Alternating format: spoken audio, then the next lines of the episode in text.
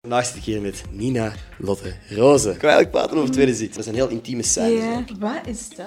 Ik mediteer wel al echt minstens een half uur per dag. Zou je mij dat kunnen leren? Zo. Jij bent vegan. Ja. Tijdens de doopscènes en zo worden er eieren kapot geslagen op je hoofd. Jij bent laatst op een retreat geweest waar dat jij meerdere uren aan een stuk ook stil moest zijn. Tien dagen. En er, jij zou dat nooit kunnen, maar Oh, fuck. ik heb iets mee voor jullie. Oh, What the fuck? Krijgen wij Oh. cadeautjes?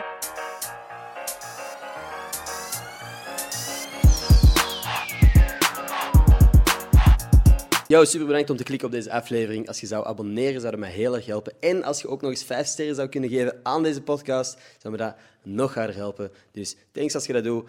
En als je dat niet doet, ben ik niet boos. Geniet van deze aflevering. Hoi mensen, welkom bij een nieuwe aflevering van Gossip Guy Podcast. Mijn naam is Ender Scholtens en vandaag zit ik hier met Nina Lotte Roze. What up? Hey. Alles in orde? Yes, dank je voor de uitnodiging. Ik moet mij constant herpakken, want ik denk altijd dat, ik, dat jij Nina bent en dat je achternaam Lotte is. En dan besef ik dat er nog een deel achter komt. Ehm, is die verwarring, komt dat veel voor? Of? Altijd. Dat is Ja? altijd als ik ergens in uw naam? Nina Lotte. Ah, oké. En dan vragen ze nooit van wat is uw achternaam. Dan denk ik Ja. van oké, dat is het gewoon. Nina Lotte is gewoon... Ja. dat is exact hoe dat ik eh, mij ook... allee, dat is mijn verwarring. Anyway, ik weet wie jij bent. Nina Lotte Roze. Voor de mensen die niet goed weten wie jij juist bent, van waar zouden ze kunnen kennen? Je kan mij kennen van de film Bittersweet 16 of van de nieuwe serie Tweede Zit op streams. Ja, dat zijn eigenlijk zo'n beetje de twee Ja. voornaamste dingen op dit moment. Actrice en... Nu eigenlijk, is, wel, is dit voor u de grootste rol dat je had mogen doen? Mm, ja. Ja, alright, sick. We zitten hier nog met iemand in de studio. William, avondmaal op Instagram. En, en waar zit hij juist? Was die niet op shortski of zo? Die is op shortski, inderdaad. Zijn wij jullie daar? Eh, wat is dat? Weet jij, weet jij niet wat shortski is? Shortski. Dus het is gewoon alsof je gaat skiën, Maar dan kort. maar dan dan iets kort. korter. Dus een kort weekendje, je gaat shortskiën. Is dat echt? Dus je Ja? zit in de bergen. Ik heb echt... Nee, skiën. Ja. Geen idee. Maar enfin, ik zit op shortski. Look at this mountain. Of is dat een kleine berg gewoon, omdat je kort... Nee, nee, nee, nee, nee, dat zijn geen kleine bergen. Is niet naar Ardennen of zo. Het is echt wel gewoon... Een Dat is gewoon een skipiste in Deuren of zo. Hoe, hoe komt je op shortski? Heb je, Ah, skiet ik, jij ook? ik was daar net nog aan het zeggen dat ik zo graag nog eens op shortski wil gaan. Ja, ik ski al heel mijn leven. Vroeger deed ik wedstrijden zelfs. Dat is echt... ehm, als ik één sport mocht kiezen, denk ik echt dat ik skiën zou doen voor de rest Ja? van mijn leven. Ja. Holy shit, oké. Ik moet nu eerlijk zeggen, dat is voor mij ook wel een van mijn top drie. Zalig, hè? Mhm. Ja, ik doe dat ook van, van mijn drie jaar of zo. En jij, Willy? Ik, eh, ik heb echt nog maar één keer echt gaan skiën. Oké. Ja, en dat was met school. Oké. Dus dat was dan gewoon zo... eh, het zotste dat ik heb gedaan is groene piste, maar je kent toch, je kunt zo'n Groene? pizzapuntje doen zo. Je kunt zo'n pizzapuntje doen, maar je kunt ook zo al ksh, ksh, ksh doen. Ik kan al wel de ksh, ksh, ksh. Oké. Yep. Komt jij mee op skivakantie dit jaar? Dat durf ik echt niet. Mijn vriendin vraagt dat ook heel vaak. Van, oh, we gaan eens mee gaan skiën, we gaan eens mee gaan skiën. Maar die, die zoeven gewoon voorbij, de zwarte piste. Ik ga sowieso een been breken. Aha. Durf niet goed. Je mist echt iets. Ja, gewoon rollen. Ja, of ik moet zo met de kinderklasjes zo... Ik Ook ben ook ja. zo die guy dat zo op die pannenkoekenliftjes gewoon eraf valt. Dat, ik ben die guy. Die dat dan zo in de diepsneeuw vaststeekt en denkt van fuck, hoe meer dat ik beweeg, hoe minder mensen dat mij gaan terugvinden. What the fuck? ik wou eigenlijk, eigenlijk praten over tweede zit. Want dat is momenteel, ik ga vanuit, wel, de main thing going on right now. Ik weet niet of dat je al met andere projecten bezig bent of zo, maar Nee, op dit Ja. moment is het echt... hoe is die ervaring geweest? Goh, dat was een heel mooie ervaring, omdat ik heb al een langspeelfilm gedaan. Nu een serie is nog iets anders. Dus dat is een veel langere draaiperiode. Ook een project waar ik heel last minute ben ingerold. Dus dat was zo allemaal heel verrassend en nieuw. Ja. Super fijne ervaring, super fijn cast, crew, alles was echt ja, mooi. Ik weet dat je het er al veel over gehad hebt. We gaan het daar niet te lang over hebben, maar dat zijn heel intieme scènes ook. Je hebt dat in alle interviews al gezegd en zo. Maar ik hoorde dat er ook een intimiteitscoach bij te pas kwam. Mhm. Hoe gaan zo'n trainingen voor een seksscène? Ja. Ik wil, ja, ik wil het daar zeker even over hebben, want dat is heel boeiend. Als in, dat valt misschien niet op op het scherm, maar er is bijna niets meer technisch aan het acteren dan een seksscène opnemen. Ja. Want dat, gaat allemaal, dat is allemaal vooraf ingestudeerd, omdat natuurlijk, je hebt ook je tegenspeler, wiens grens je nauwgezet wil bewaren en Ja. bewaken, dat je die niet overschrijdt. Dus dat is allemaal echt zo stap per stap, zoals een danschoreografie, Ja. voorbereid. Dat wil ik zeggen. Het is een beetje dansen. Ja. Exact als in van, oké, en nu, dat is deze beweging, dan draai je die om, dan doe je dit, dan leg je die hand daar. Dus dat is allemaal veel ehm, technischer of zo. Dus die intimiteitscoördinator was er daarvoor vooral. En ook voor ehm, het project van start ging, had zij formuliertjes voorzien waar wij mooi onze grenzen konden aanduiden. Dus dat was wel een, een bepaalde houvast en een bepaalde buffer die de acteurs naar de regisseurs toe hadden om alles zo veilig en vlot mogelijk te laten verlopen. Dat wij gewoon altijd die asservi- assertiviteit konden hebben van oké, als er iets niet goed voelt, dan hebben we haar om op terug te vallen. Dus dat was echt een meerwaarde. Hoe groot was die stap mentaal? Want fysiek is het dan moeilijk om die choreografie te doen en zo, maar je weet van, oh, veel mensen gaan mij zien. Hoe was dat? Ja, voor mij op, allee, op dat moment, in dit geval, probeer ik me eigenlijk, if that makes sense, niet te veel te identificeren met dat lichaam dat ik zie op beeld. Want het blijft nog steeds mijn personage Lotte Ja. en niet Nina Lotte. Ja. Dus het is, het is altijd zo'n proces van het, het zien in het, in het kader van het acteren dit project op dit moment. Nu, dat was wel een zekere stap, maar daar ook gewoon niet te veel waarde aan hechten of zo. Ja. Don't take yourself too seriously in the end. By the way, hoe doen de vrienden dat? Zeggen die Nina Lotte? Of zeggen die Lotte? of zeggen die Nina? Die zeggen Nina Lotte en sommigen Nina, maar liever mijn volle naam. Oké, ja, super. Ik ga erop letten. Ehm, heb, je, heb je geen bijnamen? Ja, jawel, NL, maar niet als een NL, NL. maar E E-N-E-L-L-E. NL, zo Fransachtig. Oh. Zo elegant Eh, of zo. ja, Fancy. Ik vind dat wel leuk klinken. een vriend En, van eh, mij kwam daar plots mee af. Om nog even terug te blikken op, die, op de seksscènes. Zijn jullie constant volledig naakt? Of zijn er een soort van uitrustingen Totaal voor gezien? Ja, er is een soort van eh siliconen ondergoed dat wordt gebruikt, dat ook gewoon geslachtsdelen niet geraakt worden. Ook gewoon omdat dat Hmm. absoluut geen fijn gevoel is. Van bijvoorbeeld dan in het geval van een man of een jongen kan dat ook gewoon onbewust ehm aroused geraken. Of Ja. zo. Dus je wil ook niet dat gevoel krijgen onbewust, snap je? niet lachen. Ja, ik ben, ik ben, ik ben 12 Dus, jaar. ehm, dus ja, op, op die manier ehm, was dat wel fijn om gewoon zo'n soort harde bescherming te hebben of zo. Ehm, je ziet dat nooit op beeld, natuurlijk, maar er is altijd wel bescherming. Ehm, en van zodra het, het gedaan is met filmen, word je meteen badjassen aangereikt Ja. en zo. Dus dat wordt wel beperkt. Hoeveel mensen zijn er op set, achter de camera, op het moment dat jullie in Ja, bed liggen? dat is ook heel interessant. Er is altijd een principe van closed set dat heel Ja. nauw wordt nageleefd. Dus dat wil zeggen, enkel de mensen die brood nodig zijn, mogen op set zijn op dat moment. En Ja. Mm. achter de monitoren zitten. Dus dat wil zeggen dat zelfs de regisseur vaak niet in de kamer is en meekijkt van, van op een monitor in een andere ruimte. Ja. En enkel de geluidsman en de cameraman zijn aanwezig. Ja. Dus dat is ook wel een, een fijne zekerheid dat niet alle potkijkers gewoon even omdat ze zin hebben. Gewoon. Dus ja, en achter de monitor soms ook wel make-up en kostuum. Mhm. Maar voor de rest is dat allemaal heel beperkt. Ik vind dit een super interessant onderwerp. Iets in mijn hoofd zegt altijd van, ah, hier zit een kinderrechtige mop in. Dus laten we... Tenzij jij nog een vraag hebt. Nee, ook eh, alleen maar kinderachtig om op. Ja, dan wil ik heel graag het volgende onderwerp, want jij bent vegan. Ja, Ja, maar tijdens bepaalde scènes, tijdens de doopscènes en zo, worden er eieren kapot geslagen Ah. op je hoofd. Hoe was dat voor u? Dat was echt geen fijn gevoel. Nee. Omdat ik ben niet louter vegan voor mijn gezondheid, wat ook wel een groot aspect is, maar ook gewoon voor het ethische. Ja. En ook veel documentaires gezien van die industrieën en zo. Dus ook gewoon weten dat eieren echt helemaal niet ethisch zijn. Dus, dus jij doet je uiterste best om al, het, alle dierlijke dingen te vermijden. En dan gooien ze met eieren op u.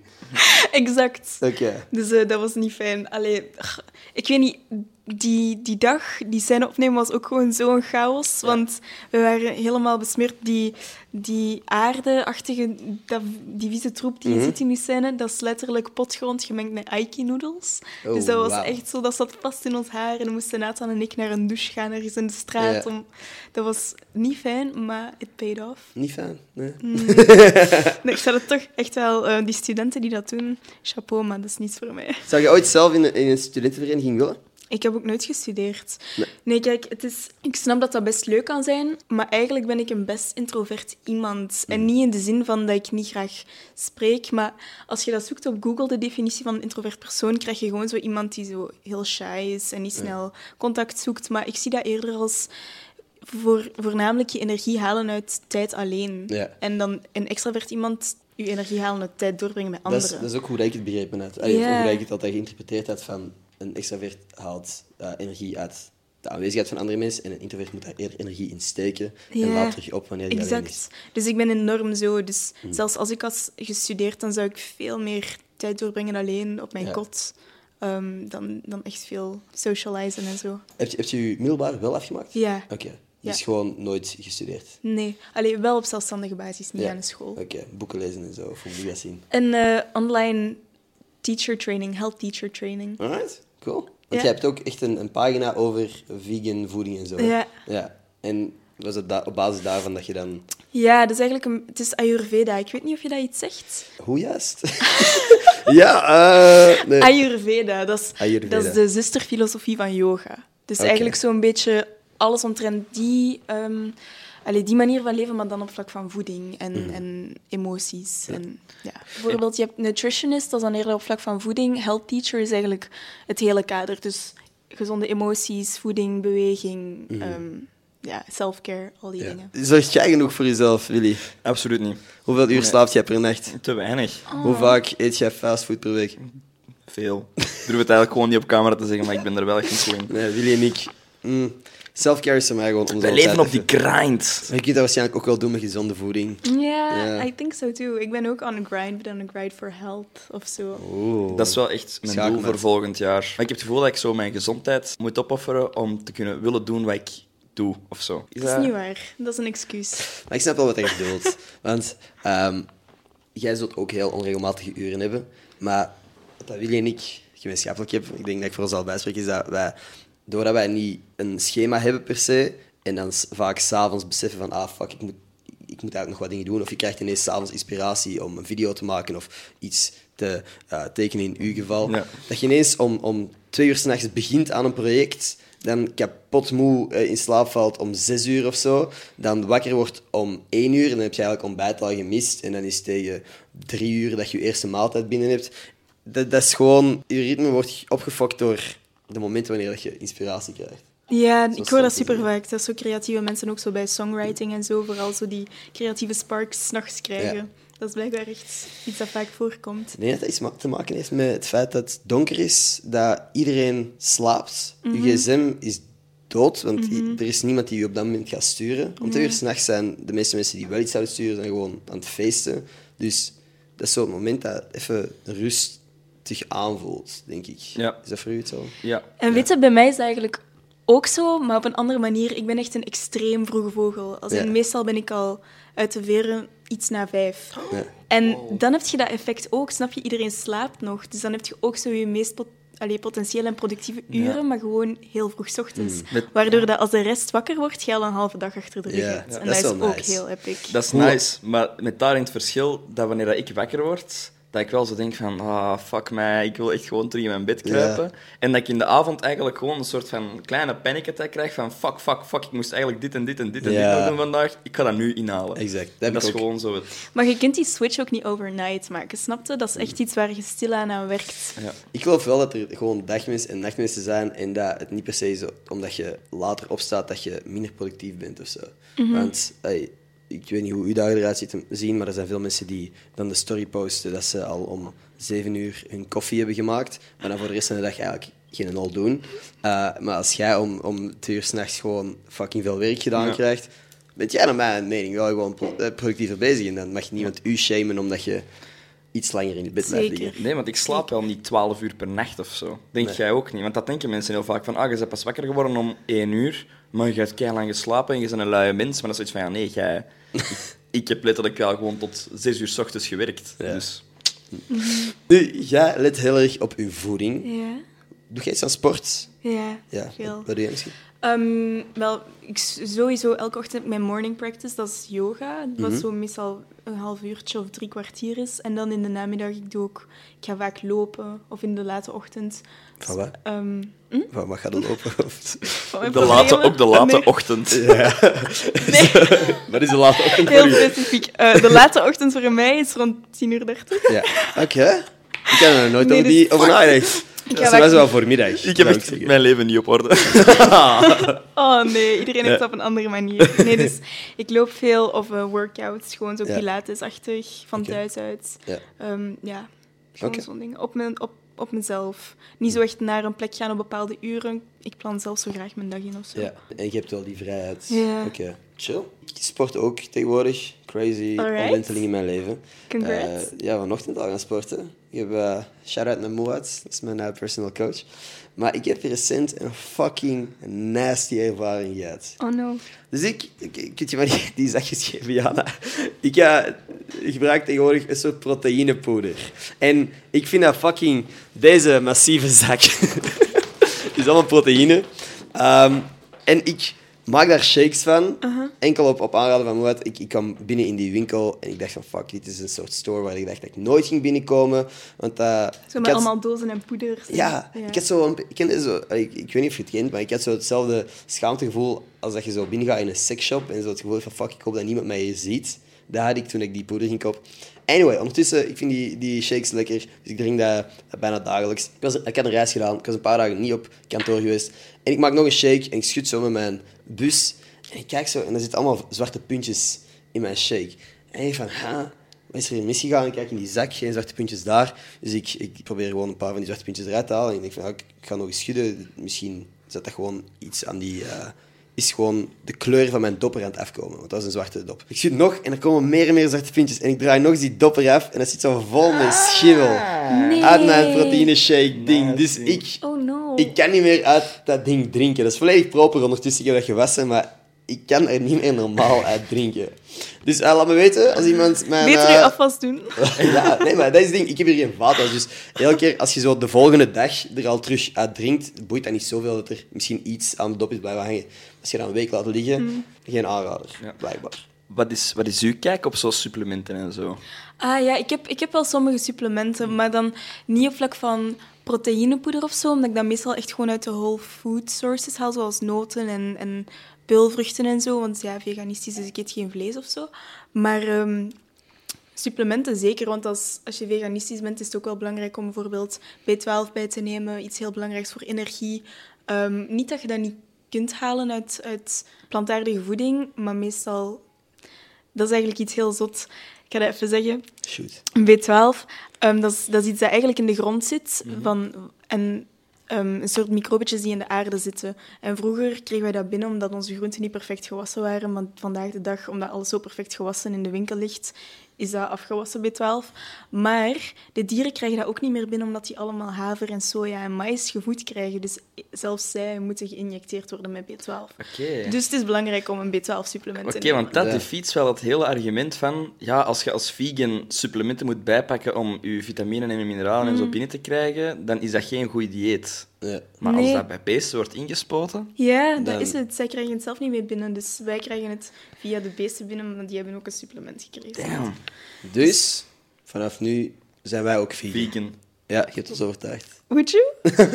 Ik heb, ik heb gezien dat je een November Vegan Challenge hebt georganiseerd. Is dat uw Dat is, initiatief? niet, dat is niet mijn challenge. Ik ben gewoon een ambassadeur van de Ja. Try Vegan Belgium dit jaar. Willen we dat proberen? Ik kan jullie het laten proberen, want ik heb iets mee voor jullie. Oh, ik had What the fuck? Krijgen we Oh, oh. cadeautjes? Yo, what the shit is Wil je dat dit? nemen? Cadeautje, cadeautje, cadeautje. Cadeautje, cadeautje, cadeautje. Oh, dat gebeurt niet vaak. Dat vind ik altijd heel cool. Ik heb iets mee, maar het wordt leuk, want ik heb brownies gebakken. Oh, shit. Vegan brownies zonder olie of suiker. Maar er zit een hidden vegetable in. En jullie krijgen één kans om te raden zonder te proeven en één kans naproeven om te raden welke groente. Zo'n erin pot brownie was niet zo allemaal fucking high. The hidden vegetable is weed. Alright. Uh, nu ben ik heel benieuwd. We moeten eerst nu raden zonder te proeven. Ja? Mo- Mag ik al eens kijken en ruiken? Nee, dat mag zeker. Ja, maar dat wil ik ook wel doen. Wacht. Ik ga even moven uit mijn grot. Ik zie al wel, hier is iets van iets. Iets van iets. Damn, dat ruikt wel, dat ruikt wel goed. Het ruikt inderdaad wel En er goed. zit een hidden vegetable in. Kunt je een tip geven? Of... Nee, nee, nee. Fuck. Ik wil wortel zeggen. Oké. Ik wil even de textuur laten zien. Want hoewel het eruit ziet als een brownie, als je er iets langer naar kijkt, is de textuur niet super appetijtelijk. Mag ik dat zeggen? Dat mag ik weet niet hoe lekker het is. Het ruikt lekker. Ik vind dat het er nog wel oké uitziet en dat jij wel overdrijft. Ik zie niet dat het er smerig Het is uitziet. gewoon artisanaal. Als de vorm net iets, iets, iets cilindervormiger was. Ah, dus jij ah, in, in een plastic had gezeten en had het goed geweest. Anyway, ehm, Zien we dit? Zien we die structuur? Pas op dat het er niet uitvalt. Is dat denk Dat valt ze op de grond, dat brandt zo gewoon. Oké. ehm chappen. Oké, let's Cheers. go. Think it, think it. Dat is wel bom. Maar dit is fucking cute om te luisteren, volgens mij. Ja, ASMR. ik zeg mais. Ik zeg nog eens wortel. Wel, Ender zat er niet zo ver van. Maar het is niet wortel. Het is zoete aardappel. Dat was mijn tweede. Zonder zever. Dat was mijn het tweede. tweede. Ja, En- tuurlijk. Dat zou wel zijn. Ik fucking meen dat. Begint jij mijn geloofwaardigheid in twijfel te ik ben gewoon een heel slechte verliezer. Ik kan dat niet goed tegen. Nee, het is oké. Maar- Ja. Veel mensen onderschatten hoeveel dingen vegan zijn. Snap je? Brood, pasta, frietjes, dat is allemaal vegan. Hè? Ja. Het is niet dat je plots niets meer mag eten. Nee. En ik ben persoonlijk veel gevarieerder beginnen eten sinds ik vegan ben. Omdat je veel meer zo begint te experimenteren met kruiden en nieuwe alles en- is. Stel je voor. Oh. Kijkt jij echt ehm, met een soort van afschuw naar vlees? Ja, voor mij zijn dat echt dode diertjes, snapte? Ja. Na zo heel veel documentaires te hebben gezien, is dat gewoon voor mij van... Waarom zou ik ehm, dat dier eten just for the sake of the pleasure of my taste buds? Snapte? Je hebt daar vijf seconden plezier van. Allee, ja. Beetje zoals seks bij u. Zo flauw. Met daarin dat Zo. je niemand dood. Allee, ik maak toch geen mensen dood Nee, tijdens seks? nee. Oh, daarover gesproken. Jeffrey Dahmer, hebben jullie die documentaire reeks gezien? Ik ook niet. Ik vind dat... Iedereen praat erover. Ik, heb het ik ben fucking blij dat jullie dat niet gezien hebben. En welk? Jeffrey Dahmer? Dahmer? Dahmer? Dahmer. Dahmer. Dahmer, ja. Moet ik die kennen? Dat is een, een seriemoordenaar die dat mensen opat en shit. Denk je dat... En er is recent een serie op Netflix gekomen, dat is echt zo nummer één hit True geworden. crime-achtig. Ja, true crime, exact. Maar er was dan ook zo heel veel ehm, ja, backlash op, omdat de slachtoffers van die families niet wisten dat die serie in de maak was. En ze hebben dat eigenlijk zo wat... Ja, dat is gewoon heel commercieel en zo wat sensatie rond eigenlijk super gruwelijke dingen. Hè. Ik ben sowieso eigenlijk ook wel wat tegen true crime. Alleen no shade naar de volksjury, want... Ja, Allee, please, maar- kom op de podcast. We love you. Maar ik snap wat je bedoelt. Ik vind zo het, het, het verheerlijken van een seriemoordenaar vind ik een beetje moeilijk. En, en het is niet verheerlijken, maar je geeft die man wel zo een, een show ja. over hem. En die, de aandacht van, kijk, wow.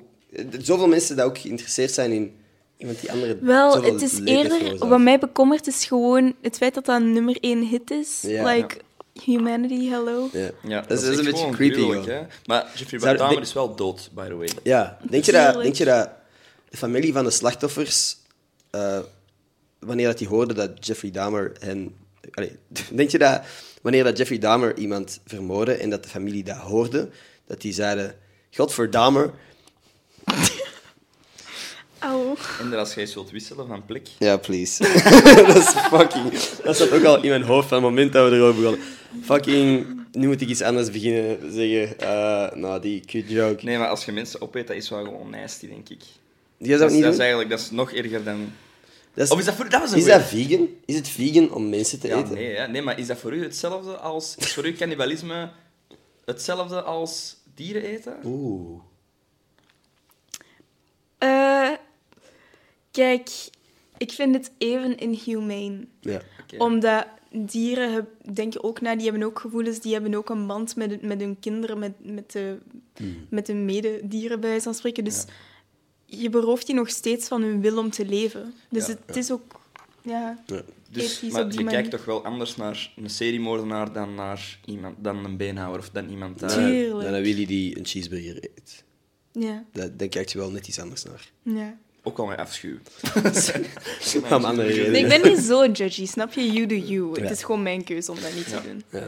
Maar ik heb recent een conversatie ook over vegan met een goede vriendin van mij gehad. En die zei ook al van, je kunt zeggen dat dat niet zo is, maar als vegan zijnde voelt je wel gewoon net iets beter dan de gemiddelde mens, want je weet dat je Echt? beter bent. Maar niet per se beter, maar dat is gewoon zoiets van... Ik weet dat ik niet bijdraag aan de suffering van diertjes. En dat geeft je gewoon een goed gevoel. Niet per se beter dan anderen, maar het geeft je wel een, een licht en goed gevoel of zo. Maar ik heb wel het gevoel dat, en dat is een conversatie dat ik met mijn papa heel vaak heb, want die is echt kok, maar echt traditioneel kok. Ja. Die is echt wel van... Ja. Goed. Die, ehm, die zegt ook wel van hoe meer vegan dat je gaat, hoe eh, meer dat je eigenlijk chemie aan het doen bent dan aan het koken. Want soms moet je dan bijvoorbeeld, dat je een chocomousse hebt en je hebt een eiwitvervanger nodig, dan moet je met kikkererwten sap dingen beginnen maken. En het wordt eigenlijk absurder om, om, om om dingen te maken. Hoe ervaart jij dat? Nee, eigenlijk niet echt meer chemie. Het is even makkelijk, maar je moet gewoon andere ingrediënten zoeken. Bijvoorbeeld, eiwit moet je ook opkloppen. En hetzelfde met aquafaba van kikkererwten. Dat is dus het sap van kikkererwten. Dat heeft geen smaak. Je klopt dat gewoon op, hetzelfde. En dat heeft ook diezelfde textuur. Dus je moet gewoon... Het is echt gewoon een kwestie van je gewoonte veranderen. En in plaats van naar dat rek in de supermarkt, naar dat andere rek gaan om een vervanger te zoeken. Vandaag de dag is vegan zijn nog nooit zo makkelijk geweest.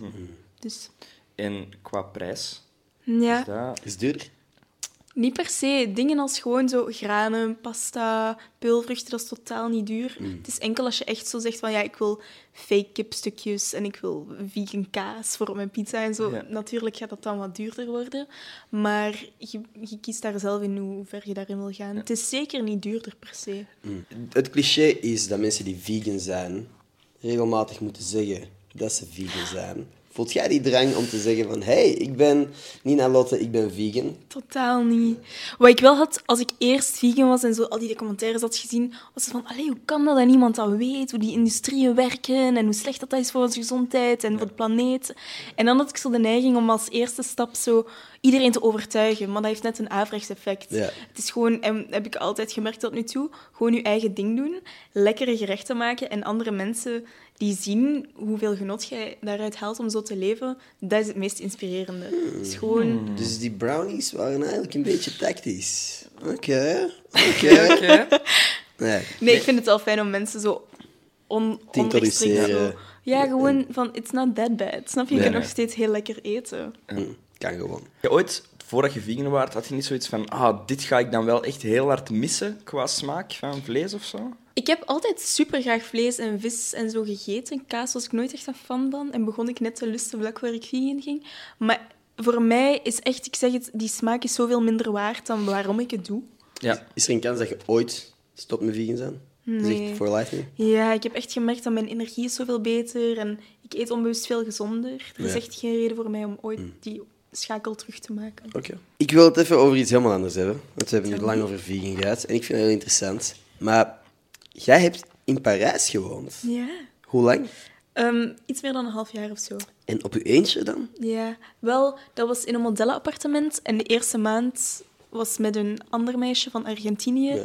En dan alleen. Een modellenappartement. Dus een, mo- een appartement dat je krijgt omdat je model bent. Een appartement vol modellen. Een, een model dat nog niet gebouwd is. Of hoe, hoe moet ik het zien? Ik bedoel, Dus ja, ik had een agency in Parijs voor modellenwerk. En Ja. die voorzien appartementen voor de modellen die on stay komen. Dus in de stad zijn voor een tijd. Omdat Ja. je dan meer castings hebt en zo. Maar je krijgt dat niet. Je be- Je betaalt zelf die huur en zo. Maar die voorzien gewoon in een grootstad, groot bevolkte stad als Parijs, een plek voor u. Waar je gewoon al op je gemak bent. En weet van, ik moet niet nog heel mijn verblijf regelen. En die, die prijzen bepalen met die eigenaars en zo. Je komt daartoe en je weet, dat is mijn prijs. En je kunt daar gewoon op je gemak zijn. Dus dat is wel echt een, een fijn gevoel. damn. Ja. Oké. Hoe bent je daarin gerold in de modellenwereld? Ik was net afgestudeerd van het middelbaar toen ik werd gescout op Instagram door, een, eh, door mijn mother agency dat in Berlijn zit. En dan hebben zij mij geplaatst bij zusteragentschappen ehm, in Parijs, Istanbul en Milaan. Dus in België ben ik independent, maar het is vooral in de andere steden. Dus ja, op die leeftijd. En dan vlak na mijn, mijn zesde middelbaar vertrokken naar Parijs op eigen houtje. Hoe is die modelwereld? Want je hoort van alle kanten dat dat een super harde wereld is. Hoe is uw ervaring daarmee? Ehm, wel, ik ben eigenlijk zo dankbaar dat ik die wereld heb mogen verkennen, omdat je wordt daar echt inderdaad zo meteen overvallen met zo heel veel insecurities. Want hoe je het ook draait of keert, dat is een wereld die louter gefixeerd is op uiterlijke validatie en uiterlijke schoonheid.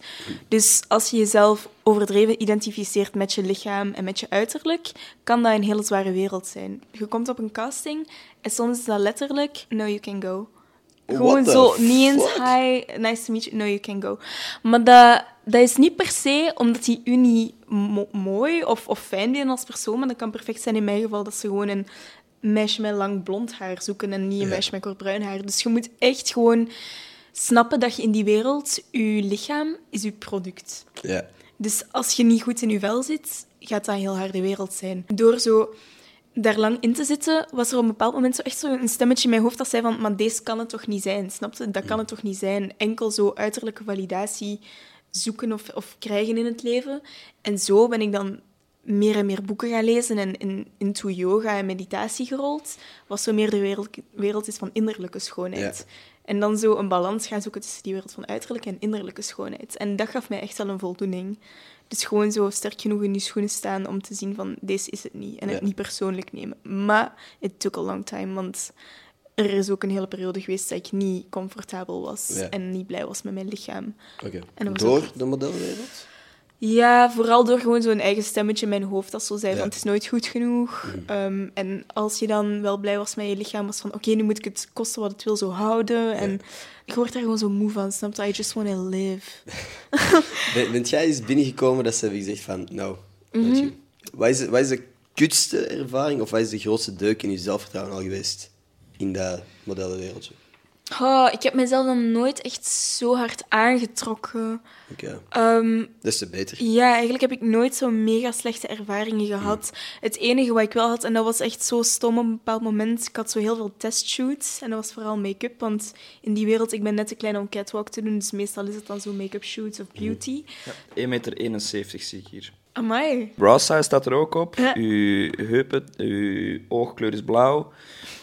Crazy. Dat Ja, is dat crazy dat, dat je echt zo... Ja. Je bent echt een, inderdaad, wat je zegt, je bent echt een product, hè. Ja. Dat is crazy. Echt een canvas. Dus dat was zo'n testshoot. En ik had denk ik zo zeven make-up looks op een dag. Wat wil zeggen dat je iedere keer helemaal geschminkt wordt. Dan met zo'n een make-up remover alles eraf. Dan weer geschminkt. Dus je hele huid wordt letterlijk gestript. En dan nadien had ik zo allemaal plekjes. Want ze hadden zo met gezichtslijm zo dingen op mijn gezicht geplakt over zo'n make-up. En daarna was de volgende week mijn huid was zo gevoelig en pijnlijk. Dan had ik zo echt van, man, als deze is, hoeft deze echt niet voor Nee. mij, snapte? Wauw. Ja. Zijn, eh, is make-up en zo, is dat altijd... Is dat vegan? Oeh. Nee. Vaak ook niet. Dat wordt heel vaak getest op dieren. Ja. De make-up dat jij nu draagt, als je zou gaan filmen of zo, want ik ga ervan uit dat er dan Mhm. make-up gebruikt wordt, is die vegan? Nee, daar heb ik zelf geen zeggenschap over. Ja. Maar de make-up die ik soms gebruik, die is wel vegan. Dus daar let ik wel ook op. Is dat iets dat jij dagelijks draagt? Wel, als je, als je model bent, is dat eigenlijk iets dat je in je dagelijks leven zo veel mogelijk probeert te vermijden, omdat dat je letterlijk je werk is.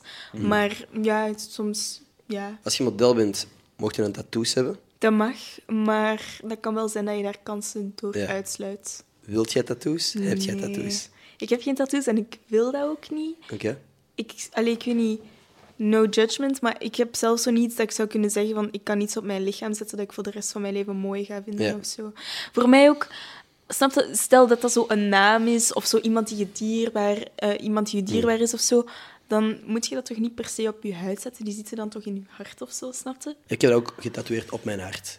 Dus eh, gewoon, dat hebben we daar. Nee, ik heb, we, hebben wel, we hebben wel tattoos. Ehm, eh, ik heb tattoos. Nice, you do you. Mi- minder, want jij wordt dan direct ook aan het denken van dat moet jij wel betekenen. Ja, maar niet per se, maar ik heb gewoon zoiets van, pff, dat spreekt mij niet echt aan. Maar Ja. dat is niet omdat dat bij mij zo is dat ik dat andere mensen allee, daarop afschrijf of zo, get totaal niet. Dus we hebben nooit een podcast gehad met Everett Schropp en Arno.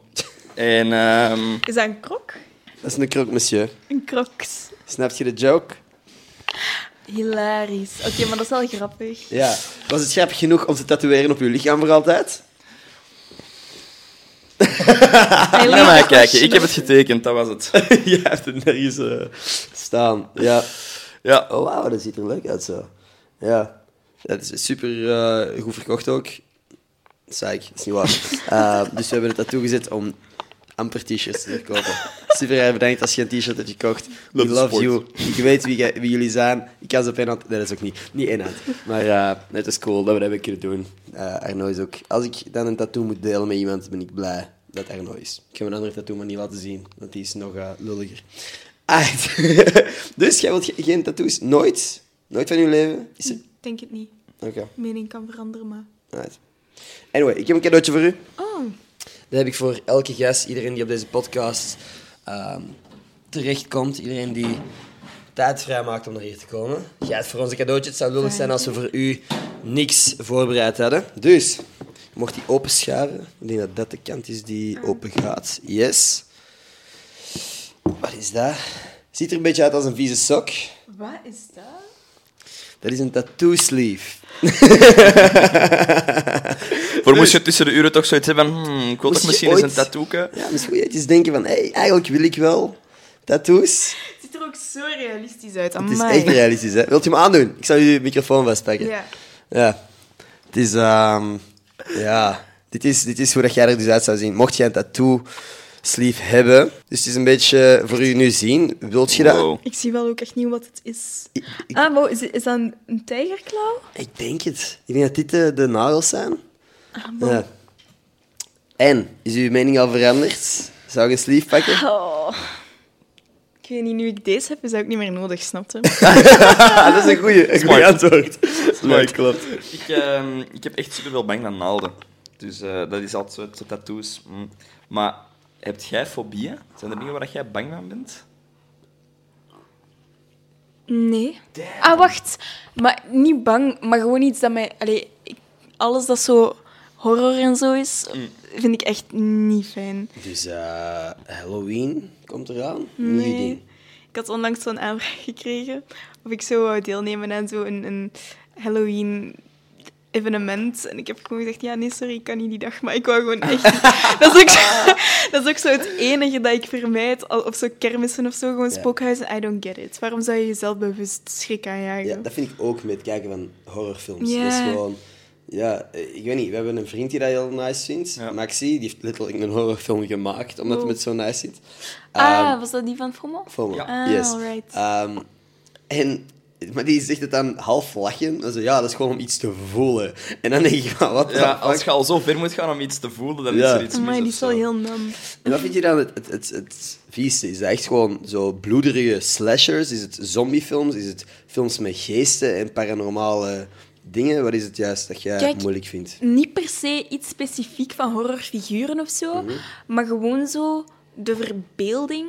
Ik weet niet, je- je- jullie zijn super familiair waarschijnlijk met dat gevoel, maar gewoon zo na een horrorfilm kijken, zo die eerste week nadien, s'nachts op de gang lopen met het licht, dat is echt gewoon rennen naar de wc. Ja, snap je? Dat is echt... Dus op die manier, ja, ik weet niet, gewoon die verbeelding. Ja. Dan zit ik daar zo mee, dus liever vermijd ik ook gewoon die beelden, want... Allee, dan heb je zo... Ja, dat valt niet- naar je hoofd. Dat is, uiteindelijk ben je bang van je eigen verbeelding. Want Ja. je, weet, je weet, er loopt hier geen killer clown rond in mijn huis. Dat gaat waarschijnlijk, de kans is heel klein. Mm.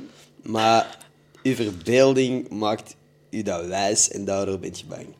Want als je echt rationeel nadenkt, wat de meeste mensen wel kunnen, ehm, dan, dan weet je dat er geen killer clown rondloopt Mm. in je huis. Ja.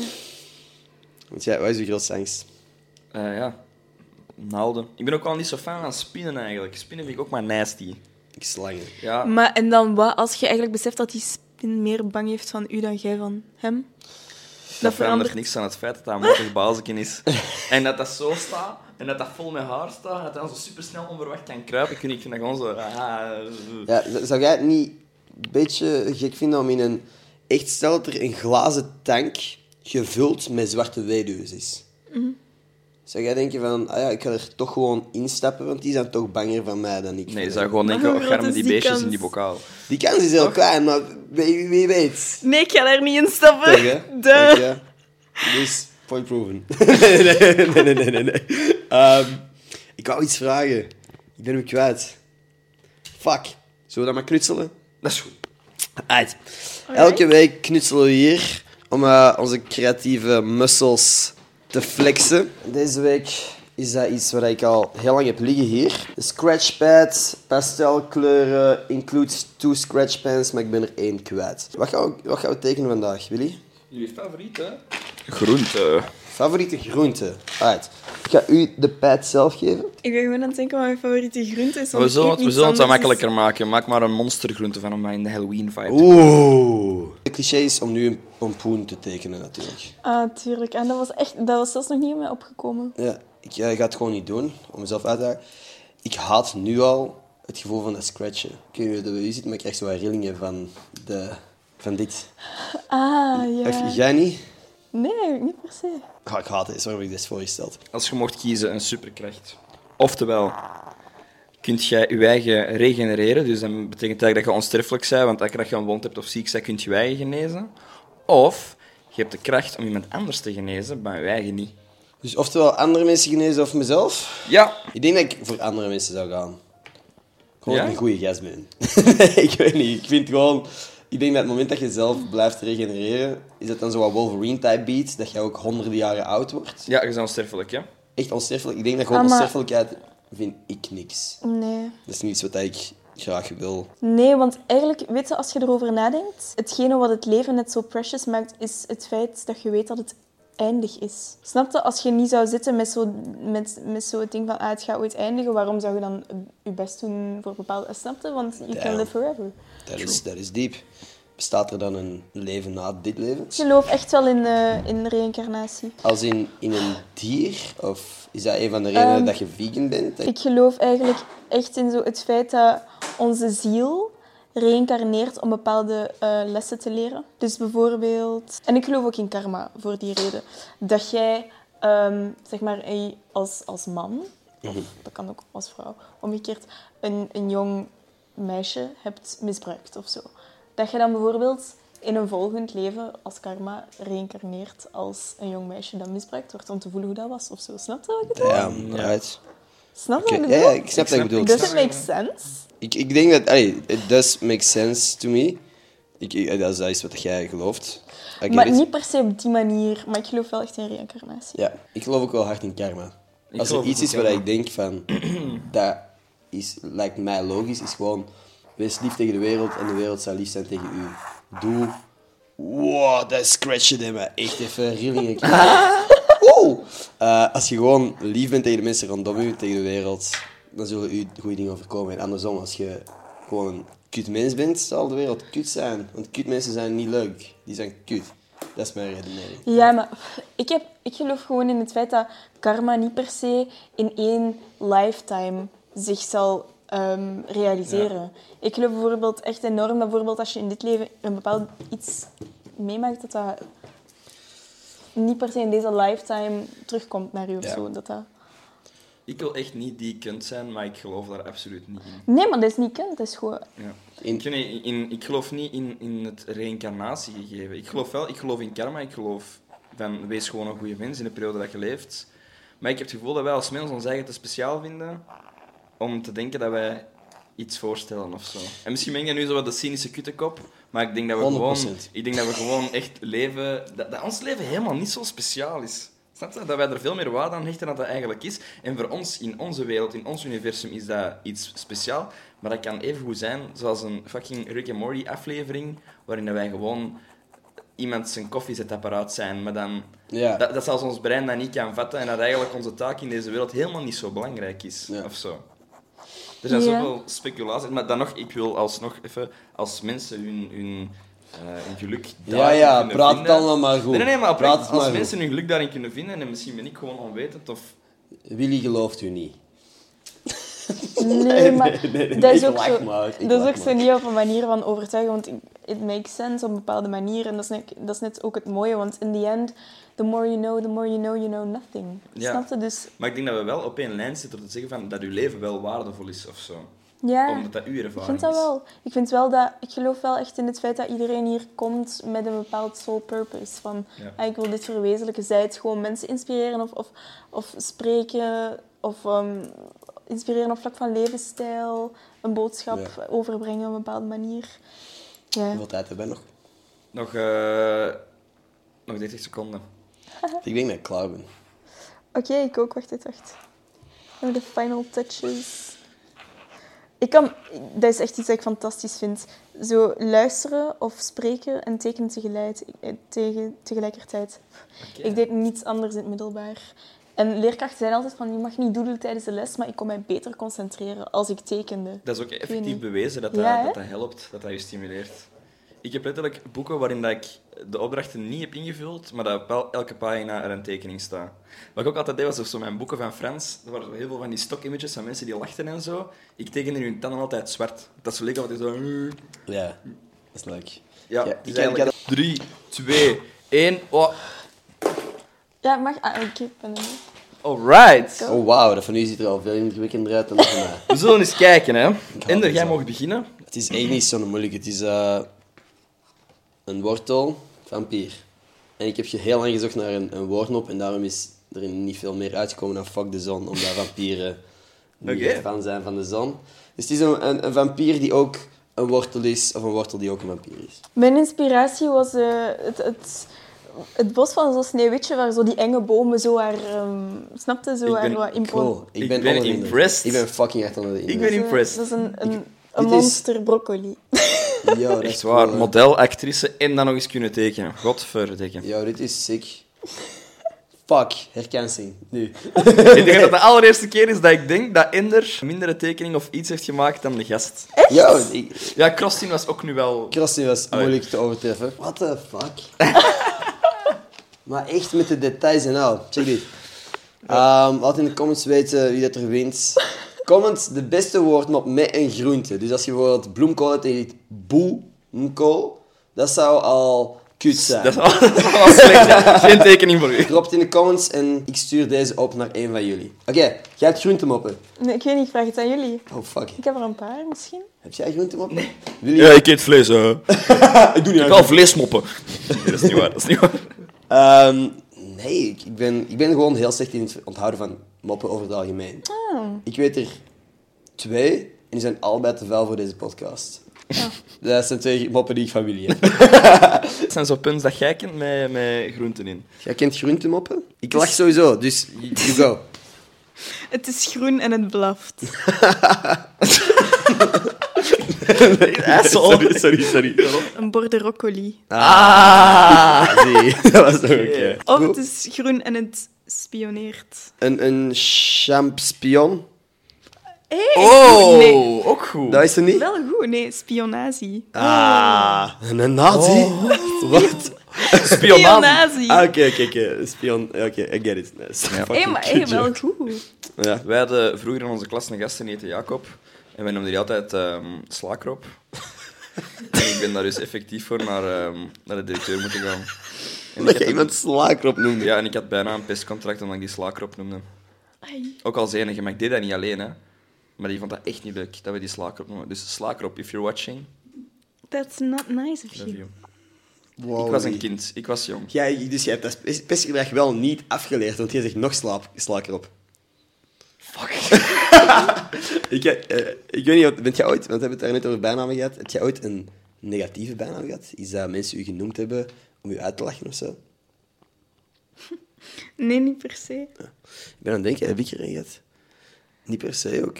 Ik heb mijn broertje lang... ehm, we zijn ooit naar een voorstelling gegaan. Ola Pola Potlood gaat dat. Mijn broer, zijn naam is Olaf.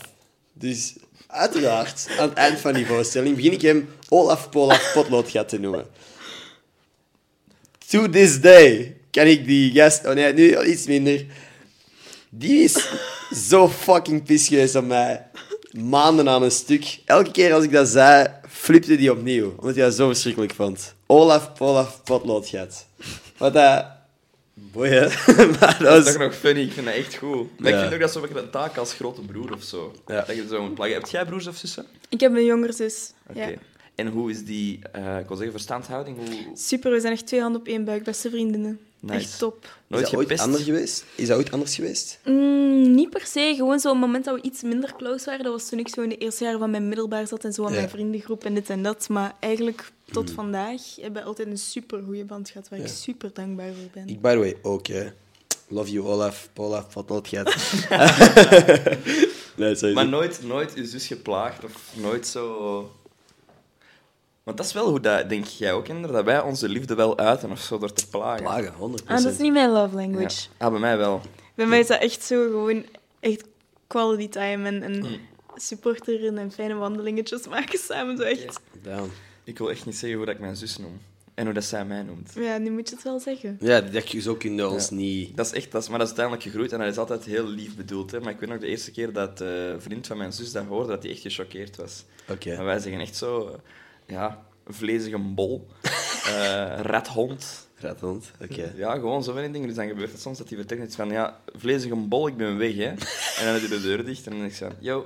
Maar ik weet ook dat alles oké is. Dan snap je, als hij zal zeggen, eh, William, ik ben door, dan denk ik van, fuck. Wow, wow, wow, Oh, wat is er mis? Wat is er mis? Mhm. Dus, eh, ja. Vlezige bal. ja, echt wel chockerend. Zijn er andere mensen die je zo mogen noemen, of is het enkel uw broer Dat is en enkel mijn broer en mijn zus. Ja, oké. Want dat is dan ook wel een ding. Dat Ja. jij misschien poep over je broer, of in uw geval Ja, je zus, mocht iedereen. praten. Maar dat als iemand anders die aanvalt, Ja, ja, ja. dat je defensief wordt. niet per se defensief, maar... Ik wel. Als iemand iets over mijn kleine broer zegt. Ja, je kent mij, hè? Wat is het sterrenbeeld? Mag... Eh, Mag, ik- mag, ik- mag ik uw sterrenbeeld anders... Ah, Mijn sterrenbeeld, gok. Gok, wat is mijn sterrenbeeld? Mm, wacht, hè. Maar ik ken u niet goed genoeg daarvoor. Ehm, ram? Ram, dat is mijn broer. Ah, of weegschaal? Nee. Nee. Ik ben stier. Oeh, oké. Ah, tuurlijk. Tuurlijk. Ja, is dat, is dat te verwachten? Of? Ah, ik weet niet, ik ken u nog niet goed genoeg daarvoor. Ja, Want het hangt niet enkel af van uw zon, snap je? Het is ook uw ascendant, uw maan, uw planeet. Dus... Ik heb dat nooit gesnapt. Ik snap niet wat dat betekent. Want soms lees je dan zo horoscopen en dan zeggen ze van ja, your moon is rising en dit is Your moon is your Fucking, weet ik Ja, ja. veel. Ik kan je daar gerust over vertellen, maar niet in vijf minuten. Nee, dat is oké. En, en wat is... eh, eh, Denk eens- Mercury is, eh, Mercury is altijd in retrograde. Retrograde. Altijd, toch? Mm, Of is drie dat? keer per jaar. Drie keer per jaar, oké. Ongeveer. Dus regelmatig. Wat denk je dat ik ben? Maar Echt, als je daar geen idee van hebt, kun je het gewoon... Nee, nee, nee. nee. Ik, ik, ga, ik, ik ga... Op basis van wat ik nu van u weet... zou ik zeggen Leo. Wauw. Ja, maar jij je wist dat. Hoe moet ik dat weten? Ik heb mijn verjaardag gestuurd naar u. Ah, dat kan wel. Als we nu toch over sterrenbeelden hebben. We hebben hier een nieuw segment. We hebben een astroloog aangenomen die nu ons horoscoop zal mededelen. Uw horoscoop met Pedro. Ik weet niet of je ooit de horoscoop met Octo gezien hebt. Dit is totaal iets anders. Ready. Ja. Horoscoop met Pedro. Check it out. You're a trout. That's a fish in English. Ja, een trout is een forel trouwens, als je het nog niet mogen weten. Even door de horoscopen rammen. En we beginnen met de ram. Fucking toevallig. Haha. dat is inderdaad toevallig. ram, stier, tweeling, kreeft, maag, weegschaal. Eh, dit is niet jullie geluksmaand, jullie gaan allemaal dood of zo. Ja, ik heb het niet geschreven, ik heb ben de staat in de sterren geschreven. Oh, sorry, my bad, volgende maand beter. Oké, schorpioen, boog, schitter, steenbok, waterman, vis. Dit is jullie geluksmaand, jullie vinden allemaal de liefde van jullie leven. Oh shit, dan ben ik liever dood. Nee, maar als jullie merken, ik heb de leeuw nog niet gehad. Leeuw helemaal apart. eh, ik weet niet waarom, maar het is wel heel toevallig dat de gast ook een leeuw is. Eh, Dat is heel toevallig. Stel je open voor een nieuwe ervaring. Durf eens ja zeggen op dingen die je voorheen niet durfde doen. Je leven zal omwenteling maken.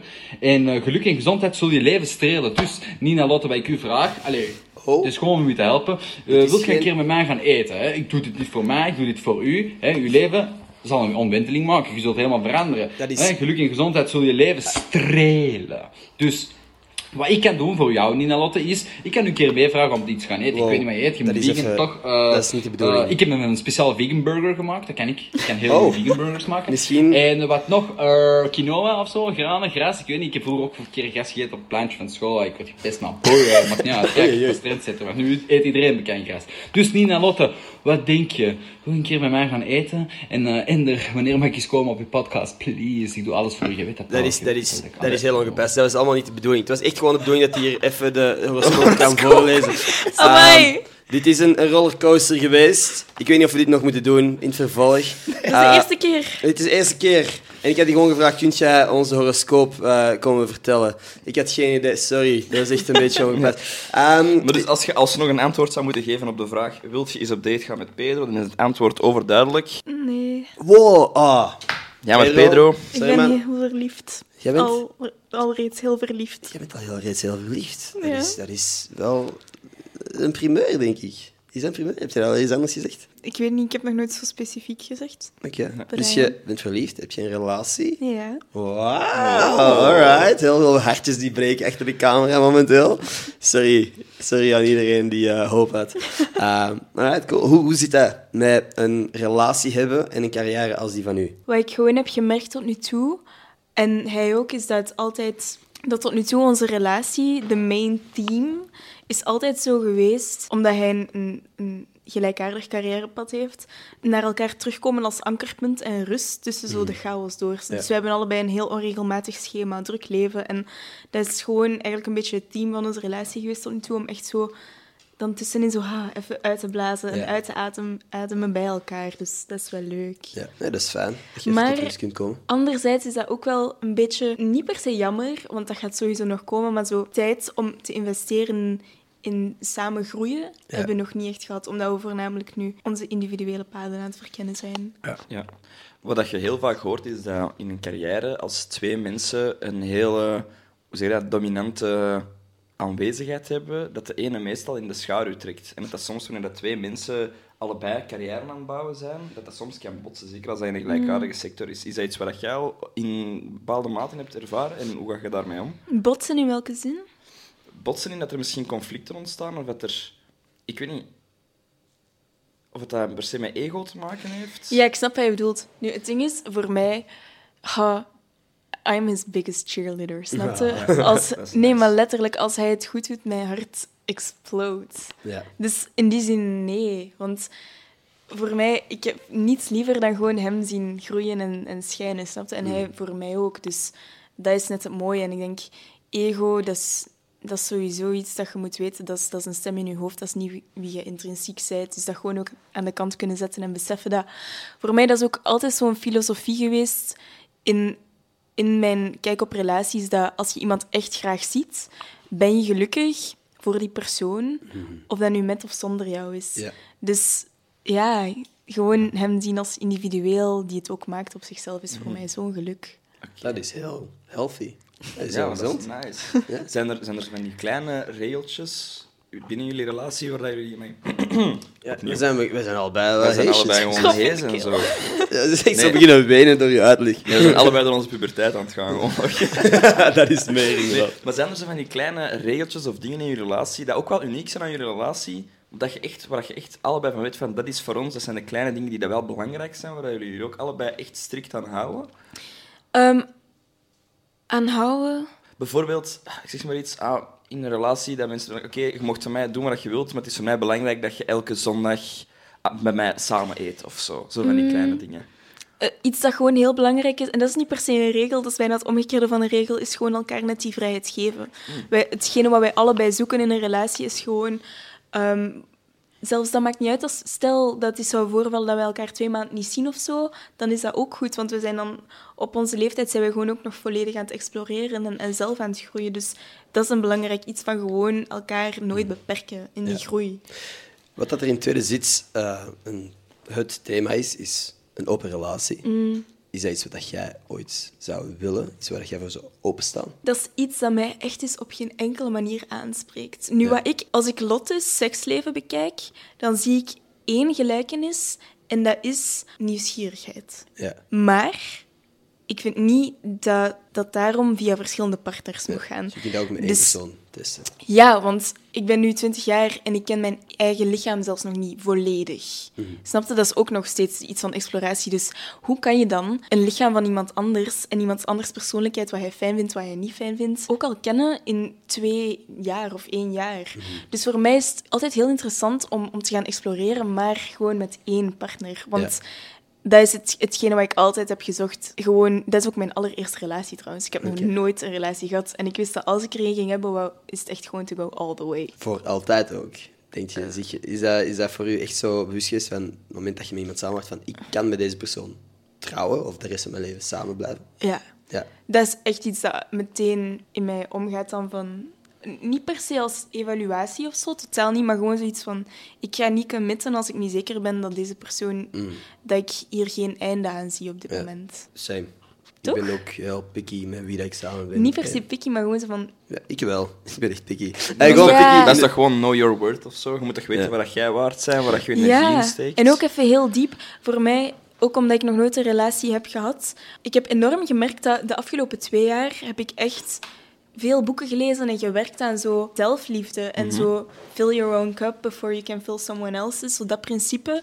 Ik heb ook gemerkt dat het moment in mijn leven dat ik zo echt iets had van ik voel me echt goed in mijn lichaam met wie ik ben, Ja. dat is het moment dat ik die persoon heb leren kennen. Dus dat was voor mij ook zoiets van oh wauw, dus dat maakt echt een verschil, die zelfwaarde en die know your worth op Ja. vlak van wie je aantrekt. Denk je dat het feit dat jij ook introvert bent helpt tegen... Allee, bij het fill your, wat is dat? Fill your cup first. En dan Fill your own cup heb je het first. gevoel, het gevoel dat dat je heeft geholpen, dat je meer op je eigen zij, dat je meer aan je eigen kunt werken en dat je dan pas van hebben Ja. een relatie. Omdat ik veel meer wist wat ik wou en wat ik zocht in een ander. Je, je leert jezelf ook veel beter kennen door die boeken te lezen, door gewoon zoveel met jezelf te zijn. Als je daar een half jaar in Parijs alleen zit, Ja. je hebt niemand anders dan jezelf. Dus je, je weet ook gewoon wat je fijn vindt, wat je fijn vindt in anderen en zo. Dus dat heeft mij zo hard geholpen. Ja. Ja. We gaan straks iets doen. Ik moet eerst even zien dat ik wat beelden verwijder. eh, want deze gsm zat blijkbaar vol. Dus Willy, sorry. Geen even- probleem. Ja, graag gedaan. Nee, stel je voor. zo. Laat gewoon altijd een foto van een klein schattig aapje zien wanneer dat ik spreek. Ah, dat vind ik eigenlijk heel leuk. Maar echt een Weet je klein wat- schattig aapje, hè, zo. Ja, ja. Wat is je lievelingsdier eigenlijk? Oh, ik weet niet, alle diertjes. Oh, Maar er moet toch, er moet toch een dier zijn, wat... dat is zoals een, een, een juf die zegt, ja, ik heb geen favoriete leerling. Iedereen weet wie de favoriete leerling is. Ja. Wie is je favoriete leerling? Je Ehm, favoriete bier. Maar ik weet niet, ik hou gewoon van de energie van katjes. Zo Ja. die rust. Ja. Rust of crackhead energy. Er is zo een no in between. Het is oftewel Exact. volledig platte rust of het is alle kanten van de ruimte. Ja. Nee, de katjes, want ik heb zelf twee katjes. Ja. Welke namen hebben ze? Venice en Miu. Miu. Oké, is dat M-I-U? Ja, Miu. dat is een van de hoofdpersonages in, in een boek van mijn favoriete schrijver. Alright. Zijnde? Welke boek, welk boek? Murakami, als je die kent van naam. Ah, ja. Ja, heel Maar ik zou letterlijk niks kunnen... Ik ken alleen de naam. Ik kan niks zeggen van... eh, Ja, die heeft- zijn bekendste boek is Norwegian Wood. Maar eigenlijk lees ik meestal non-fictie, maar dat is mijn favoriete fictieauteur. Mhm. Hoe mooi dat hij schrijft en die verbeelding en de wegen dat hij opgaat. Ja. Dus Als jij boeken leest, is het vooral non-fictie of fictie? Ja, non-fictie. Non-fictie. Altijd. Altijd. Ja. Quasi. Ik ben ook fijner eigenlijk. Ehm, er is nog één ding oeps, dat ik gehoord heb, wat ik het even wou hebben. Jij bent laatst op een retreat geweest, Ja, waar dat jij meerdere uren aan een stuk ook stil moest zijn. continu. Continu. Tien dagen. Tien dagen lang stil zijn. Ik ga dat even uitleggen, het concept. Het is een silent retreat. En Dat- er, jij zou dat nooit kunnen, maar Oh. Ja, dat is gewoon, I dat is gewoon die stierenergie, bro. Ja. een podcast host, I mean. Ja. Maar eh, nee, dus het, het concept is eigenlijk, het is een silent retreat. Dat wil Ja. zeggen tien dagen stil zijn, ehm, geen oogcontact, niet lezen, niet, ehm, ja, geen muziek luisteren. Dus echt gewoon volledig, eigenlijk het exact omgekeerde van escapisme. Je bent verplicht om echt deep within yourself te gaan. En daarbuiten zes uur meditatie per dag en twee uur yoga. Wow, wow, wow. Het ding is, ik wil nu zo voor te lachen zeggen van, hé, gaan we dat eens doen? Maar ik vind dat een heel eng iets. Ik vind dat, ik vind dat enger dan bungee jumpen. Waarom vind je dat zo eng? Ik vind dat heel confronterend, denk ik. Vind je dat niet zot dat je het confronterend vindt om jezelf zo diep te kennen? Ja, maar ik ben naar de kloten, hè, dat weet ik. Moet je mij niet uitleggen. Ik weet, ik weet dat, ik, dat er intern iets mis is met mij, dat weten we. Maar ik, ik, zou, dat, ik zou dat wel eng vinden. Ik vind dat net super boeiend Ja, maar het, het om tot is die gewoon- dieptes van jezelf te gaan. Ik weet van mijn eigen dat ik heel ehm, ja, extrovert ben. Dus ik haal ook mijn energie uit interacties en uit met mensen omgaan. En ik ben ook wel sociaal, denk ik. Dus op het moment dat ik bijvoorbeeld ook echt alleen op mijn kamer ben, of alleen op mijn kot ben, hé, maar dan ben ik, dan ben ik ongelukkig. Oh. Dat, dat vind ik heel moeilijk. Dat gebeurt heel vaak. Dat Ender dan bijvoorbeeld belt en dat ik echt denk van, ja, ik voel mij kut, ik heb geen energie, ik weet niet wat ik moet doen. Allee, snap je? En dat is eigenlijk voor mij heel confronterend om alleen te zijn, of zo. En dat is niet per se voor mij, ik, weet niet, ik zie dat niet per se als escapisme, maar het is niet dat ik, als ik hier ben, dat ik, dat ik mij verstop van mijn gevoelens of zo. Maar ik vind het alleen zijn, dat, ik weet niet, dat stimuleert mij niet genoeg om te bestaan of zo. Maar dat klinkt heel, dat Wow, klinkt heel is- diep, hè? Dat is, dat is ook een beetje... Ja, nee, maar dat, is niet, dat stimuleert mij niet. Dus ik kan me bijvoorbeeld niet voorstellen dat ik gewoon in een silent treatment zou moeten gaan. Ik, als ik slaap, zet ik zelfs muziek op. Wat is iets dat jij dan geleerd hebt uit zo'n silent retreat? Gewoon even, ik ga terug dit jaar. Ik ga dat nog eens doen. Ik wil dat elk jaar doen, gewoon omdat dat zo verrijkend was. Gewoon het feit dat... Wow, sorry, ik ben echt vieze, vieze blikken naar de camera aan het trekken. Dat is eigenlijk niet helemaal eerlijk, want ik hoor wat jij denkt. zo wijzen. Ah, stille. Ja. Ah, ga ze die stille. Ah, jij praat En niet. durven kijken naar mensen. Nee, en zelfs dit jaar gaat ook een vriendin mee, omdat... Ik weet niet, wat ik daaruit heb geleerd, is gewoon... Je krijgt ook wel spiritual teachings, dus dan over love en death en consciousness. Ehm, en dan op het einde van de dag heb je altijd een, een Q&A waar je vragen mag opschrijven en dat de teacher dan wel die vraag beantwoordt. Dus er, is- er zijn wel mensen die daar praten, maar... Ja, je of, krijgt want les. Die les gaat niet in- stil door. Nee, nee, nee. Je krijgt teachings, maar je luistert enkel. Het is niet interactief. Echt hands down, het moment dat die stilte brak, na die tien dagen, en wij gewoon met de hele groep onze ervaringen deelden en gelachen hebben en geweend hebben en muziek gespeeld hebben en gedanst en gezongen. En dat was een van de mooiste momenten ooit. Dat was zoveel euforie van gewoon weten dat je door zo'n diepe ervaring bent gegaan, tien dagen lang met elkaar. Dat is echt zo'n band dat je... Heb je een gsm als je daar bent? Waarschijnlijk niet. Je moet die niet per se afgeven. Ik gebruikte die als wekker. Maar ik had wel zo ingesteld dat alles zwart-wit was, dat je niet die stimulatie Ja, hebt van ja. dopamine door die kleurtjes op je scherm. En ik had al mijn social media apps verwijderd en de hele week op vliegtuigmodus. Dus die bleven op mijn nachtkastje liggen. En ook, het was gewoon, dat was zo op een, in een gerenoveerd kasteel op een hoge heuvel in, in Frankrijk. In de maanden ehm, november, december, rond die periode. Dus alles besneeuwd. Dus je ging dan gewoon in de namiddagpauze wandelen in die bergen, helemaal op je einde, eh, eentje tussen de dennenbomen. En dat was zo waanzinnig. En heb je dan nooit ergens zo'n moment gehad dat je dacht van, fuck, oké, ik ben hier nu helemaal alleen. Ik kan gewoon even iets zeggen, een woordje. Ja, jawel, dat heb ik al gedaan. Toch? Zo gewoon eens één keer, ik weet niet, maar in Parijs had ik dat ook altijd. Als je zelf op appartement zit, wie spreekt er niet tegen Ja. zichzelf? Maar En- eh, Was het dan echt één woordje of was het dan gewoon zo'n paar zinnen? Dat je zo'n conversatie in je hoofd, dat die luid op zei. ja, we kosten gewoon aan het recapituleren wat we hadden gezien van zo de teachings of zo. Ik, dat was ook rond die periode dat ik net zo mijn vriend had leren kennen, maar toen waren we nog niet samen. Dus dat, was een ook moeilijk zo... moment om even tien dagen... Ja, maar weet je dat dat echt het perfecte moment was? Want wij hadden elkaar twee keer gezien. Mhm. En dan was die retreat. En dat was zo het perfecte moment om zo na te denken van, is deze het? Ja. Want hij had dat en ik had dat ook. En dat was zo... En ja, ik weet niet, over die dingen zat hij dan ook zo luid of zo wat te praten. En zo... Had, je, fijn. had je hem op voorhand gezegd dat jij op die retreat ging? Of was dat gewoon even tien dagen dat je die Nee, had? ik heb dat gezegd. En Je had het wel eigenlijk- gezegd. Eigenlijk super... Allee, dat was echt een, een mooi momentje, zo'n filmisch momentje, want wij lezen allebei super graag, hij Mhm. ook.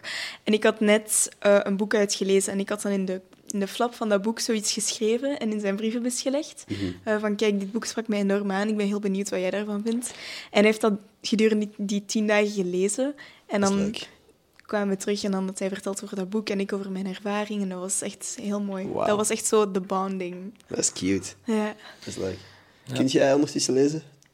Ik heb altijd wel echt gestruggeld met lezen. Ja, Echt. Ah, dat is een- Ik haat, ik je haat lezen. Ik vind het echt vermoeiend. Ja, behalve Geronimo Stilton deel 3. Fantasieland, baby. Ja, oké. Had jij nog iets dat je wilt vragen? Ja, ik ben gewoon nog altijd heel... Ik ben, dat is heel raar om te zeggen, maar ik ben, ik ben van mijn melk. Van de... Ja, ik ben echt intrigued, omdat dat ook zo... Dat zijn zo van die dingen dat je hoort dat mensen doen, maar je vindt dat niet als je dat op Google zoekt. je? Super ver van u, van Ja. bed, joh. Dat zijn zo van die dingen Bij mij is je dat maar... gekomen, ja, bij mij is dat gekomen door in de eerste lockdown was ik in contact gekomen met een meditatieleerkracht online via die account waarop, waarop Ja. ik eten deel. En zo wat vegan inspiratie en zo. En ehm, hij is meditation teacher en co-founder van die school. En hij zei van, if you're interested in meditation and learning more about it, you can always FaceTime me. En, ik had zo nooit iets van, ah, deze gaat een, een catfish zijn of zo. En dat is effectief een super goede vriend van mij geworden. Cool. En ehm, die hebben een school in Mexico en in Frankrijk. En dan ben ik naar daar gegaan en dat was zo revelerend. Dus ja, zo is dat op mijn pad gekomen. En- Heb, je, heb, jij, heb jij opgelet hoe coole woorden dat zij gebruikt? Ja, ja, ja, dure woorden. Dat zijn, dat zijn, zo van, Intrinsiek. dat, dat zijn zo van die ik lees boeken woorden. Hè? Ja? Dat zijn woorden dat ik niet ken. Ik lees in het Engels, dus vaak moet ik zo alles vertalen in mijn hoofd, omdat ik gewoon al nadenk in het Engels ondertussen. Ja. Ja. Nee, ik vind, ik, vind dat, ik vind dat heel zot. Ja. Ik vind dat heel gek. Ik kan me dat gewoon niet voorstellen, maar voor mij is het minder omdat ik bang ben om mezelf tegen te komen, maar meer van, ik praat gewoon graag. En ik haal energie uit andere mensen. En het praten met mensen laat mij zo op. Want ik praat veel in, mijn, in deze podcast, duidelijk. Maar ook hier buiten stel ik gewoon graag vragen aan mensen om te horen hoe dat met hen gaat, waar dat ze mee bezig zijn. Ik vind niks zo interessant als mensen. Dat is echt het interessantste op deze planeet voor Maar mij. jij bent ook een mens. Dus het is ook interessant. The? Dus het is ook interessant om jezelf ja. die, die, een, een manier waarop hij mediteerde was met de self-inquiry vraag, who am I? Dus gewoon een uur lang, who am I? Who am I? In je hoofd zeggen. Sorry, maar dat is echt heel diep. Ja. Dat is echt heel diep. En dan ook, langs de andere kant, I get you, maar wat zijn tien dagen? Je hebt een heel leven. Wat zijn tien Wat dagen om even gewoon... Ja, dat is niet goedkoop. Dus je Maar- betaalt om stil te zijn. Ja, maar je betaalt, je betaalt voor de teachings, voor de yogalessen, voor, de, Ja, voor Mhm. het verblijf, voor het eten.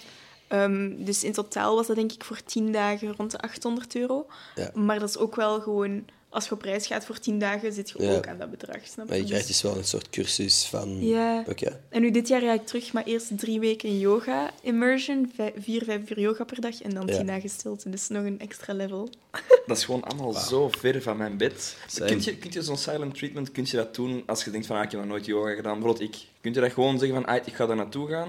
Die Zijn er mensen die niet gewoon zo wat worden in hun hoofd na Ja. twee dagen, drie dagen dan ineens beginnen roepen of ze denken van ah, Nee, nooit echt roepen. Want eens je in die energie zit, wil je ook gewoon die sfeer van de andere mensen niet verbreken Hmm. of zo. Nu, it's been heavy. Ik heb geweend. Snap je? Dat is Ja. niet iets dat gewoon makkelijk is. Ja. Je wordt er echt geconfronteerd met jezelf. Dus ik heb ook meerdere keren geweend. Of soms is opgestaan uit de meditatie en naar buiten gegaan. Maar ehm, En dat kan, dat is niet dat raar gekeken ja, ze raden dat niet aan. Maar ik had mezelf drie jokers gegeven. Oké. Ik had zo gezegd van, drie keer, als het te erg wordt, mag Hmm. je eens één keer zeggen van, nee, ik ga niet. Had je een soort voorbereiding voor jezelf? Had je zo eens een dag niks gezegd, gewoon als test van hoe gaat dit of zo? Of was dat echt gewoon zonder echt... Ik weet niet in welke mate dat je je überhaupt kunt voorbereiden, maar was je echt gewoon naar daar gegaan en dacht van fuck, laat mij over me overkomen. Ja, ik had gewoon zo echt iets van, oké, koud bad. Nu, ik mediteer wel al echt twee, drie jaar. Minstens een half uur per dag. Wow. Tot 45 minuten. Dus 's ochtends, dat is echt een deel van mijn ochtendroutine. Ja. Ik mediteer ah, drie kwartiertjes of zo. Zou je mij dat kunnen leren? Mediteren? Ja, Is dat moeilijk? nee. Steken we hier ergens een klein stukje meditatie in. Goed? Yes, I'm excited. Alright, let's do it. Welkom op deze meditatie voor dummies. Ik zit hier met twee dummies, twee newbies, Ender en Willy. En wij gaan samen vandaag een korte, maar hele fijne meditatie doen. Doe gerust mee als je wil. Zo.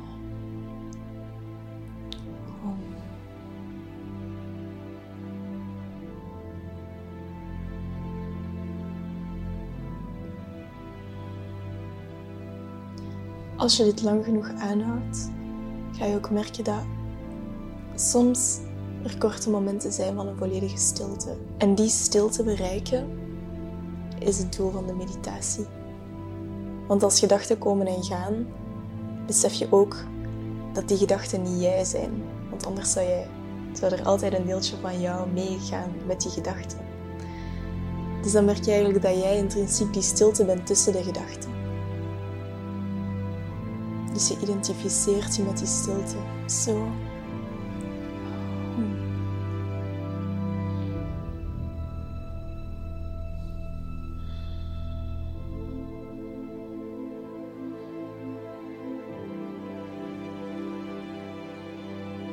Ga nog drie keer in en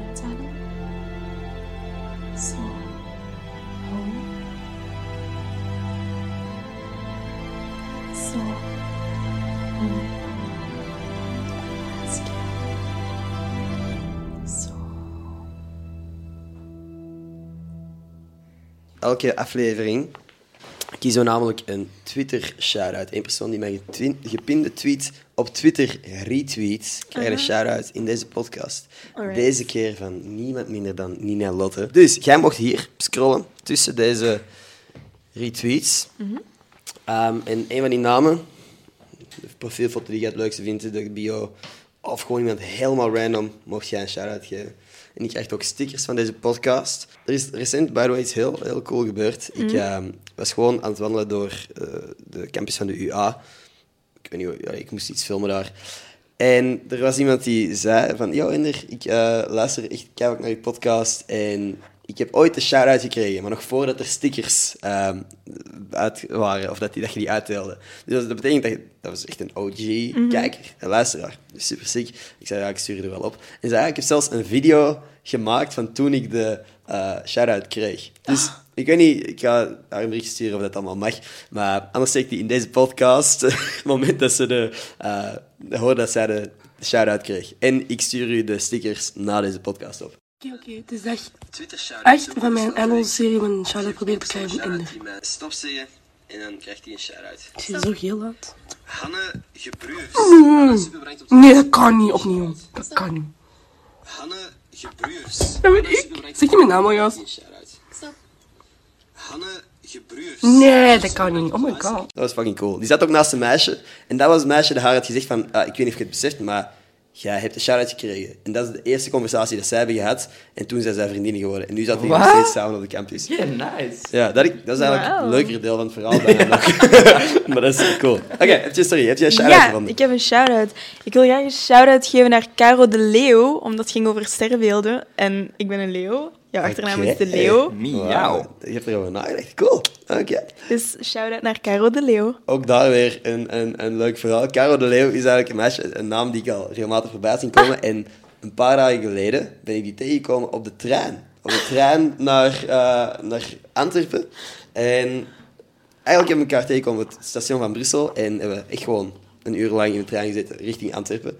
Ik had haar naam al vaak voorbij zien komen en ik wist dat hij regelmatig naar mijn dingen keek. Dus ik heb gewoon vragen gesteld. Ik heb echt gewoon gezegd van, wat vind je nu van mijn content en zo. En die is super eerlijk geweest, wat ik kapot hard apprecieer. Want zelf ben ik de laatste tijd zo aan het struggelen geweest of aan het zoeken geweest met wat wil ik nu doen van content. En eh, zij is de reden dat ik momenteel terug wekelijks YouTube-video's upload. Omdat ik zo heb zitten nadenken over de dingen dat zij toen heeft gezegd. En terug een format heb gevonden waarmee ik mij comfortabel voel. Dus fijn. Love you very much. Look Super what you did to him. Ja, you changed me. nee, ik ga, ik ga u eh, stickers afsturen. Thanks nogmaals voor het leuke gesprek. En voor het luisteren naar deze podcast. Alright, voordat we echt afronden, is er iets dat jij nog kwijt wilt, de wereld in wilt sturen? Een boodschap, een brownie, een... Oeh. ik, mm, de moeilijkste vraag van de hele podcast. Hè. Ja, dat is zo, zoveel dingen en ook niets. Like, ik weet niet, ik wil gewoon graag een, een boek meegeven, een tip van een boek, omdat ik zo graag lees. Dat echt heel veel heeft geïnitieerd voor mij. Als in zo, dat mij heeft aangezet om, om heel veel te beginnen lezen Ja. en, en meer te leren over mezelf. En dat is het boek The Power of Now van. Eckhart Tolle, of in het Nederlands De Kracht van het Nu. En dat is een boekje van... Dat is echt een dun boek, maar dat is voor mij zo openbarend geweest. Ehm, dus dat is echt een boek dat ik kan aanraden. Cool. Oké, Power of Now. Eh, kan ik nog een boek aanraden? Pff, Fuck. Kent je die van zo de vis met zo de glinsterschubben? Oeh, Oh. Rupsje Nooit Genoeg, ook een goeie. Ja. Klassieker. Uh, All jokes aside ben ik momenteel ook nog eens aan het lezen voor het eerst in tijden. Ik heb zo eindelijk een manier gevonden hoe ik mij kan focussen op boeken. Is gewoon door elke keer dat ik mijn gedachten beginnen af te dwalen, schrijf ik op waar ik aan denk. Want meestal is dat ding. Ik heb eindelijk gevonden waarom ik begin aan een pagina eh, en aankom bij het einde van de pagina en niet weet wat de fuck er tussen die twee zinnen zit. Dat komt omdat ik... Mijn gedachten dwalen altijd af. Dus nu schrijf ik elke keer als ik een gedachte heb, schrijf ik die op, totdat mijn hoofd leeg is en alles op papier staat en ik gewoon de pagina's wel kan lezen. Super stom dat ik dat nodig heb om te Amai. lezen, maar dit is wat er voor Maar mij weet je, dat is letterlijk een vorm van meditatie dat je nu zegt. Hè? Gewoon je gedachten observeren en in plaats van je te identificeren, gewoon acknowledgen van ah, ik denk nu dit, nu ga ik verder. Dat is ook een soort meditatie op zich. Hij mediteert al lang en hij wist het zelfs niet. Ja, maakt mij een beter mens. nee, oké. Ja, waarschijnlijk. Als jij het zegt, geloof ik dat dat meditatie is. Dat is voor mij gewoon de manier hoe ik even mijn hoofd leeg kan maken en kan vullen met nieuwe kennis. Gaan wij dan zo even mediteren, nadat we deze podcast afronden? Graag. Alright. Super erg bedankt aan iedereen die geluisterd heeft. Nina Lotte, super erg bedankt om langs te komen. Dankjewel. Klein aapje, jij ook heel erg bedankt om hier te zijn. Oeh, oeh, ah, ah. en natuurlijk super erg bedankt om te kijken. Tot volgende maandag. Peace.